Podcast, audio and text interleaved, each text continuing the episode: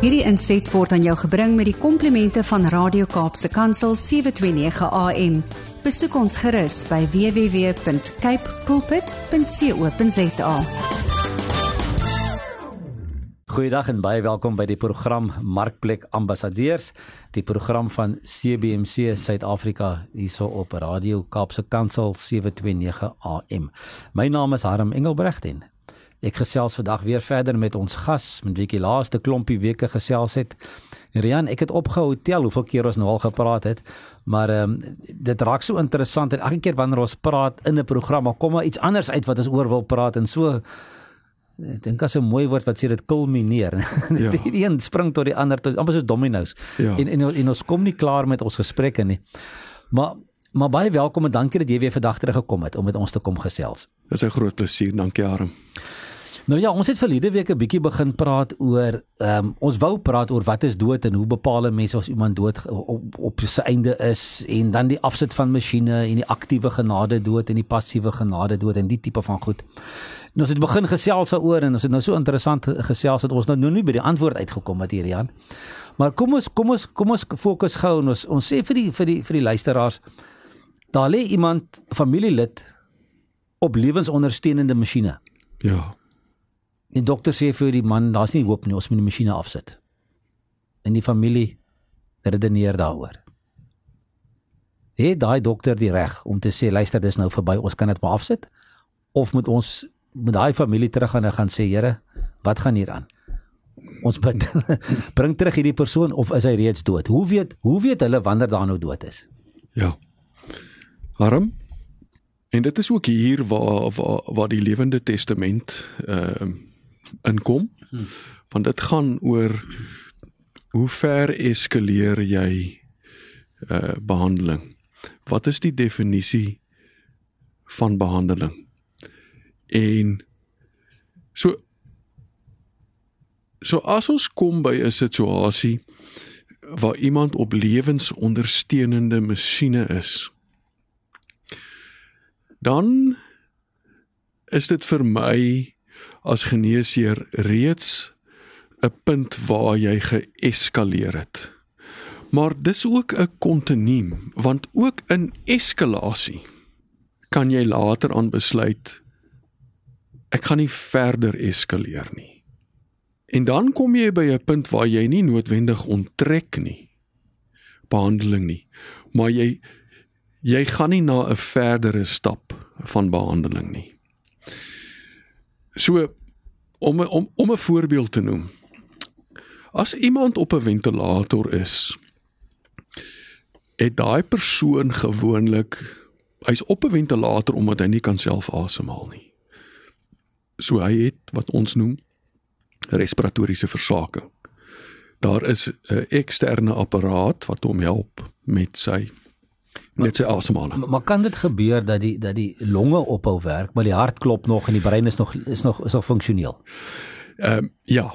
Gewoonlik as iemand op 'n ventilator is, een van die redes hoekom mense op ventilators gaan is omdat die hart het begin versaak.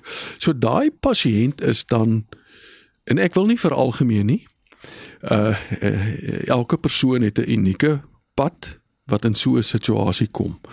Maar die hart is een die sirkulatoriese stelsel, die pomp. Ehm um, wat Chris Barnard van gepraat het, die hart is net 'n pomp. 'n Gewoonlik is dit eerste waar jy 'n probleem begin ontwikkel. Uh en daar's verskillende maniere hoe die hart kan begin versaak. En as hy nie lekker werk nie, dan is daar vog wat ophoop in die longe en dit maak dat die longe nie lekker werk nie. So en vir die hart uh, kan is nie nou vinnig 'n nuwe hart insit nie, maar ons het middels wat die hart kan ondersteun. Dis sterk middels wat die hart ondersteun. So baie keer is iemand uh, met ventilasie ondersteun word, is hy reeds uh, word wo, uh, is sy hart reeds in 'n mate van versaking en word sy hart reeds deur 'n kragtige middel aan die gang gehou word. Ekskuus. Dit, dit kan nou wees behalwe as daar nou 'n longinfeksie of iets is in die hart nog oral werk. Ja. Soos met COVID het ons baie dit gesien waar die ouens op ventilators beland maar die harte klop nog goed. Ja. So die hart en die long is baie uh, wil ek dis nie dat hulle van mekaar afhanklik is nie, maar hulle beïnvloed met mekaar. Hulle beïnvloed mekaar. As die long siek raak, dan gaan dit later stres op die hart sit. Uh uh op die regterkant van die hart. As die linkerkant van die hart siek raak, versaak, dan gaan dit stres sit op die longe. So dit is wat ons sê, hulle is in serie met mekaar. Dit is nie langs mekaar nie, hulle is agter mekaar en voor mekaar. So die een kan die ander een beïnvloed. So ja, ons sien die hart eintlik as 'n linkerhart en as 'n regterhart. En normaalweg is daar nie eh, 'n uh, opening tussen die linkerhand en die reg linkerkant van die hart en die regterkant van die hart nie. Uh, daar is uh, in sekere uitsonderlike gevalle uh, is daar openinge en en en veral voor geboorte is daar wat ons sê um, openinge of shunts is die Engelse woord. Uh ja, nou sukkel ek met die Afrikaanse woord uh vir 'n shunt.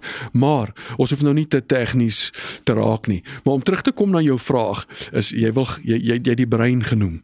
Uh ons het uh so as dit van die hart gepraat, ons het van die longe gepraat. Dan het ons die niere en dan die lewer en dan het ons die brein. En die brein is gewoonlik Uh so so iemand wat op 'n ventilator uh, iemand wat wat op 'n ventilator of in 'n intensiewe sorgeenheid is, uh ons ons praat van multi-orgaan versaking. En hoe meer organe versaak, hoe meer uh, desperaat raak die pasiënt um, se se lewens uitkyk. In Engels praat hulle van his prognosis becomes more guarded. Dit is die die die die kans op oorlewing raak al hoe minder. En as jy in Suid-Afrika se situasie kom waar ons beperkte fondse het, ons het beperkte intensiewe sorgbeddens, kom jy op 'n punt wat jy sê maar vir hierdie pasiënt sy sy sy sy sy sy hart het nou al versaak, sy longe het versaak en hier begin sy niere. En nou as ons die niere wil ondersteun, dan is dit um, is daar 'n niermasjien beskikbaar. Ehm um, uh, is daar nie iemand anders uh, uh ons praat van ehm um, Jo, nou nou nou ontgaan daai woord vir my, maar jy kyk na beskikbare fondse uh, want jy moet maar na geld kyk want ons praat van groot geld en dan kyk jy na hoe kan ek mense help? Is daar nie iemand anders vir wie ons met die beskikbare fondse ehm um, ehm uh, um, ek kry nog net nie daai woord nie. maar met ander woorde as daar iemand lê wat wat net nierversaking het en hulle iemand wat al klaar ander organe het wat ingeen sy niere gene ook en dan gaan jy liewer ja. die masjien op die persoon sit wat net die nierprobleme het want hy gaan makliker oorleef ja. volgens die dokter se beslissing. Ja, ja. ja. Ek dink dit is redistribute justice. Ja. ja. Uh justice is die woord wat inkom. So dit gaan ja, ek dink dit is redistributive justice, maar ja, ek is nou 'n bietjie op op den den grond daar. So so daar's baie etiese beginsels wat begin en 'n mens, jy kan die woord wat gebruik is jy kan jou op 'n slippery slope begin vind en dit is die groot argumente is jy kom op terrein waar jy jy kan jou maklik self verloor in die proses. Uh as jy nie eers 'n anker het nie. En ek dink dit is waar as as as jy as jy bid daaroor en jy gesels as familie daaroor en jy jy soek die antwoord uh op 'n plek buite jou denke. Uh en jy bid daaroor dan is dit vir my amper dat daar dis vir my 'n vrede wat jy ervaar binne in hierdie oefening waarmee jy besig is. Baie keer namens iemand. Uh want die persoon op die uh, ventilator is kan dikwels nie aan hierdie gesprek deelneem nie. As hy 'n lewende testament het, uh is dit 'n belangrike dokument, maar die regsgeldigheid van 'n lewende testament uh, kan ook bevraagteken word. Ehm um, daar moet ook nog steeds iemand optree namens die persoon. Die lewende testament is 'n dokument wat eintlik vir jou uh jou hand sterk maak in terme van dit was die pasiënt se wense gewees, maar dit beteken nog nie dat dit met is dit Jota aan titel. Mm. Ah, jy moet my help daar. maar maar maar Marian, sê ek jou reg verstaan. Nou lê die persoon daar, hy het die Lewende Testament geskryf. Hy het gesê moet nie moenie my nie ondersteun nie as ek as dit lyk of ek weg is, is ek weg. Ja. Ehm um, nou moet iemand vir die dokter daai papier gee. En sê hierso het my vrou geteken. Sy het gesê dit dit dit kan maar gebeur. Maar wanneer kan daai dokter daai besluit neem? Moet kan hy nou sommer sê ag wel dis nou maklike way out ons het hierdie masjiene nodig kom ons sit dit af of moet hy nou nog ekstra hulp inroep moet daar twee of drie van hulle saamkom saam besluit funksies moet hulle toetse doen om te kyk luister is daar regtig niks hoop nie ja. hoe werk daai stukkie proses ja. en, en en en hoe eties is daai besluit wat daar geneem word sodat die familie kan rustig wees om te sê luister hierso hier was niks ek wil nou nie sê velplein nie maar hier was nou nie ja. dit het die persoon sou in elk geval doodgaan as ons die masjien afsit dit ja. is dis dis dis eintlik waaroor dit gaan nê nee. Ja. Ek dink dit kom baie keer uit by is is, is wat is die pasiënt se se se wat is die vooruitsig op 'n sinvolle lewe? OK, maar dis belangrik. Dis belangrik. So die persoon kon dalk nog lewe, maar geen ja. kon in 'n rolstoel sit en kon ja. met hulp lewe en en kon ja. geen brein of ja. swak breinaktiwiteit hê. Ja. So ons die die die woord is vegetatief. So as as 'n Eh, pasiënt nie meer breinfunksie het nie as gevolg van daar was nou te min suurstof of die bloeddruk was vir te lank te laag of, of vir 'n te lang tyd te min suurstof in die brein is onherstelbaar beskadig. Dan kan die dokter die familie inlig. En op die einde van die dag uh wil jy graag by 'n situasie uitkom waar die familie te vrede het in die situasie. Die dokter gaan die feite op die tafel moet sit. En die familie gaan dit moet uh opneem, maar maar maar, maar hulle gaan dit ook moet erkou. En hulle gaan moet by 'n punt van 'n uh, uh, rustigheid uitkom. So daar is en ek dink die toetse word gedurig deur aangepas, toetse vir breindood.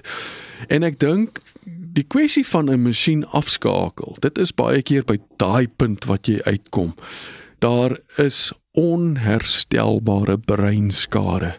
En dit is 'n battery van toetse uh wat uh, ons nie ek kan nie eers vir jou sê wat is die jongstes nie maar dit toets alle vlakke uh van die brein.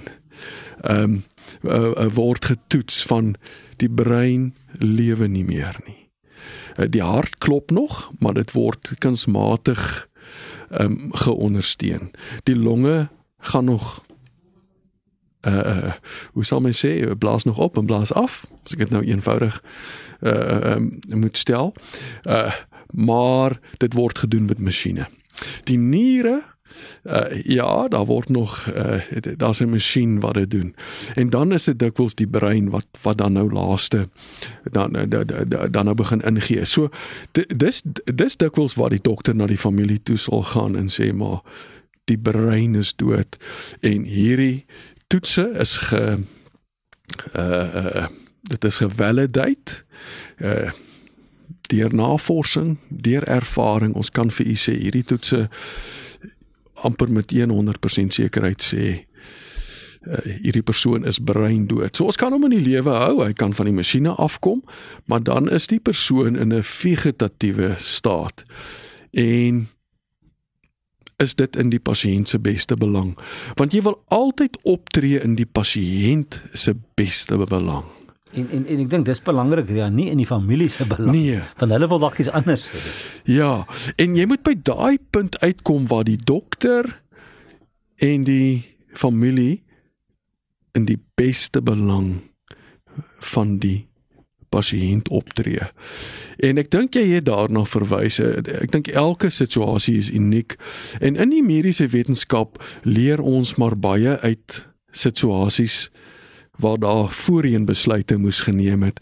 En kan jy baie keer gaan leer uit hoe 'n geval um, in die verlede gehanteer is maar dit gaan nie presies wees nie. Daar's altyd Ehm um, maar ten minste het 'n ou dan beweging in terme van gedagtes, in terme van om by 'n punt van vrede uit te kom. En ek dink dit is uh ek dink dit kan baie intimiderend wees. Ek dink dit kan oorweldigend wees en vrees vir die ek dink neem baie keer oor.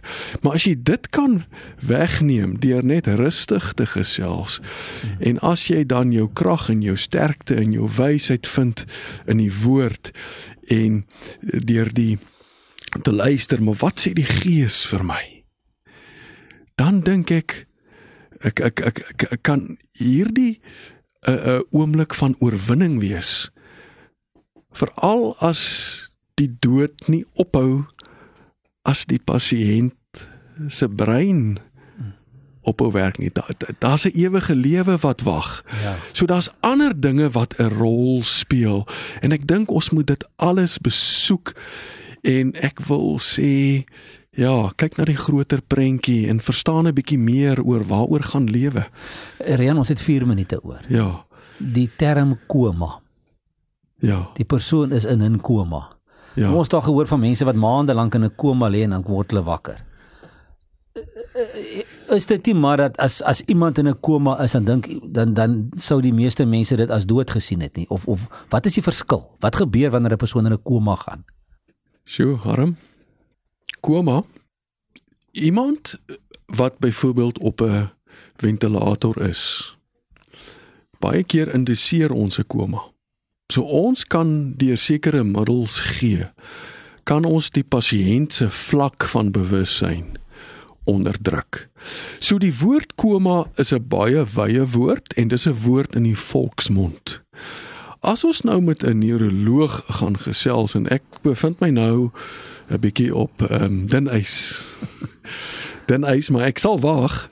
Ek sal wag en en en maar uh nederig om verskoning vra maar uh uh waar my kennis maar maar 'n koma daar's verskillende vlakke van koma. Hy's hy's in 'n ligte koma hy's net donker maar maar dit wys op 'n vlak van bewussynsonderdrukking. En dit kan wees as gevolg van 'n middel. Sê nou maar iemand het 'n oordosis slaappille uh, geneem Daai persoon is in 'n tipe van 'n geïndiseerde vlak van bewussynsonderdrukking.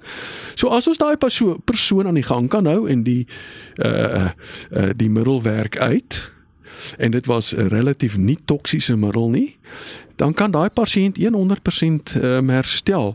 So die woord koma is 'n woord wat ons moet definieer en uh, uh daar's onderafdelings. Maar as jy in 'n as jy brein dood is. Jo, ek wil amper sê dan is jy op 'n punt van daar's nie terugkeer nie. Point of no return. Daar sê, dis wat ek nou so, wou gesê. So so wanneer ja. dit wanneer dit brein dood is, dan dan word die masjien afgesit, maar nie voor dit nie. Nie voor dit nie. Nie voor Want anders dit, raak dit genade dood. Ja. Ja en nee, Harm, ek het nou al 'n paar keer hierdie ja nee gebruik en jy sê dis 'n dis iets uniek aan aan Afrika, aan ons ons volkie dat uh, ek dink dit is dit is as jy moeilike terrein is. Dan uh, sê jy maar net ja nee. Dan da sê jy nou ja nee. Harm, uh, as jy nou terugkom na genade dood. Ons het nog nie oor passiewe genade dood eintlik uh gepraat nie. En ek dink jy het gesê 4 minute, as ons nog so 1 minuut oor. Uh, ja, ja, 1. 1. So so as ons nou oor genade dood praat en afskakel van masjiene, dan dan is daar drie hoofterme. Dit is jou aktiewe genade dood, dit is jou passiewe genade dood en dit is dan dokter geassisteerde selfdood. Nou, dis 'n mondvol en 'n minuut is te min om daaroor om om om reg te dat geskied. So ons moet nog 20 minute vat vir dit. Ja, ek is jammer Harm, maar dit lyk vir my dit is dit is nou wat ons voor ons het. Ja, dis wat gebeur as jy met 'n man praat wat baie kennis het, jy kom nie by die antwoord uit nie. Uh, daar's baie sulke ouens in die lewe Rian. Jy jy vra 'n vraag en na 20 minute het jy nog geen antwoord nie, maar jy het baie gesels. Maar maar dankie, dit is dis weer baie interessant geweest en ek en ek hoop regtig ons kan 'n volgende program ja. opneem waar ons waar ons hierdie goed net kan kan kan afhandel want want daar's so baie ja. mense daar buite wat met hierdie vrae rondloop. Ja. Jy het byvoorbeeld nou gepraat van 'n 'n lewende testament is ook maar nie eintlik verskriklik baie werd nie want dan moet nog steeds iemand van die familie betrokke wees daar. Ja. So wat is dan die die nut daarvan uh, om dit te hê teenoor om dit nie te hê nie? Ja. Weet so is dit die moeite werd om dit te ekskuus om dit te hê. Maar daar's 'n klomp goed rondom dit en ek weet mense daar buite het baie vrae en en ek en jy loop baie keer in mense vas wat vir ons daai vrae vra. Veral oor die etiese aspek daarvan. En is dit nou is dit Bybels korrek? Gaan die Here vir my kwaad wees as ek nou die masjien aflaat sit dit? En en en, en my vrou lê nou daar en ek sit in die masjien af en dan kom ek in die hemel eendag en sê sy vir my jy jy het my vroeg gestuur hiernatoe. Ehm um, so ja, so hierdie goed is belangrike goed en en en ehm um, en ons ja, ons maar 'n bietjie lig daaroor maar maar ja. dis maar dis maar dis ernstige goed waaroor ja. ons moet praat. Ja. So ek wil ek wil vra as jy nie omgee net dat jy maar weer sal terugkom. Alles reg. Ehm um, dit is nou maar nog 'n program opneem om om hierdie goed af te handel. Maar ja. dankie dat julle saam met ons gekuier het en en soos die Engelse sê ons tolerate om stadig by die antwoord te kom en stadig te beweeg want dit is dis moeilike goed en dit is ja nie sulke eenvoudige voor die hand liggende goed nie. En soos jy ook gesê het, Rian, elke situasie is eintlik maar uniek en moet op ja. sy eie meriete hanteer word. Ja. Maar baie dankie dat jy weer saamkom gesels het. As jy wil ehm um, luister na vorige programme in hierdie reeks wat ek met met Rian van Sail opgeneem het, gaan gerus na Radio Kaapse Kansel se se pot gooi en gaan en gaan soek daar onder die programme Markplek Ambassadeurs. Daar is heelwat van hulle opgeneem. En ehm um, as jy wil meer weet van CBMC, stuur vir ons 'n e-pos of besoek ons webwerf. Ons webwerf is www.cbmc.co.za. En as jy wil meer weet oor dit Eh, wat ons doen en dalk vir my wil 'n vraag vra of 'n opmerking het oor die op programme, stuur vir my e-pos na info@cbmc.co.za. Ook as jy met Dr. Jan van Sail wil in kontak kom, stuur die e-pos na my toe. Ek sal sorg dat die vraag by hom uitkom as dit 'n moeilike vraag is. Die maklike vrae los ons. Rian, baie dankie. Dankie. En daarmee groet ons julle weer tot volgende week. Totsiens. Hierdie inset was aan jou gebring met die komplimente van Radio Kaapse Kansel 729 AM.